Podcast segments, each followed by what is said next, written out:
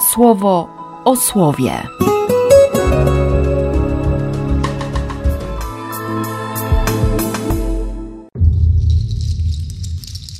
Dwudziesty dziewiąty października, piątek.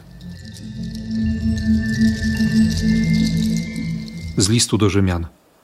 Prawdę mówię w Chrystusie, nie kłamię.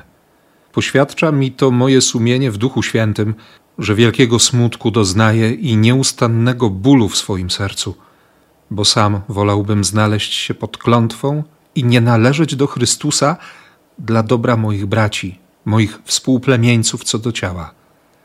A są nimi Izraelici. Z nimi związane jest usynowienie i chwała, i przymierza, i nadanie prawa, i liturgia, i obietnice.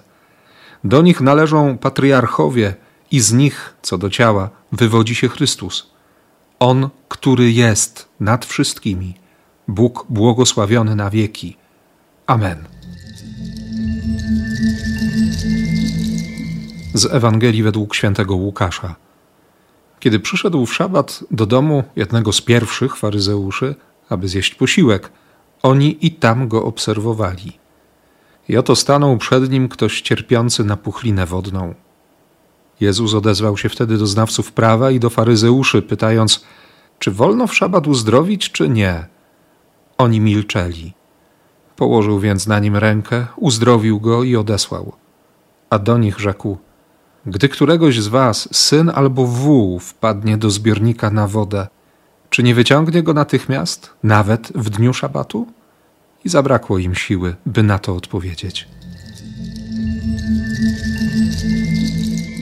Potrzeba odrobiny szaleństwa, żeby, żeby powiedzieć o sobie: Wolałbym znaleźć się pod klątwą i nie należeć do Chrystusa dla dobra moich braci. Byleby oni uwierzyli. Choć Paweł doskonale wie, że nic go nie wyrwie z Bożego serca, nic go nie oderwie od miłości Chrystusa, od miłości Boga. Wie, kim był jeszcze te kilkanaście, kilkadziesiąt lat wcześniej i może dlatego z taką gorliwością, bo kocha, mówi tak szalone rzeczy. Żeby się zdobyć na takie szaleństwo, trzeba kochać. Żeby się zdobyć na takie szaleństwo miłości, że się zada pytanie: wolno w szabat uzdrowić, czy nie wolno?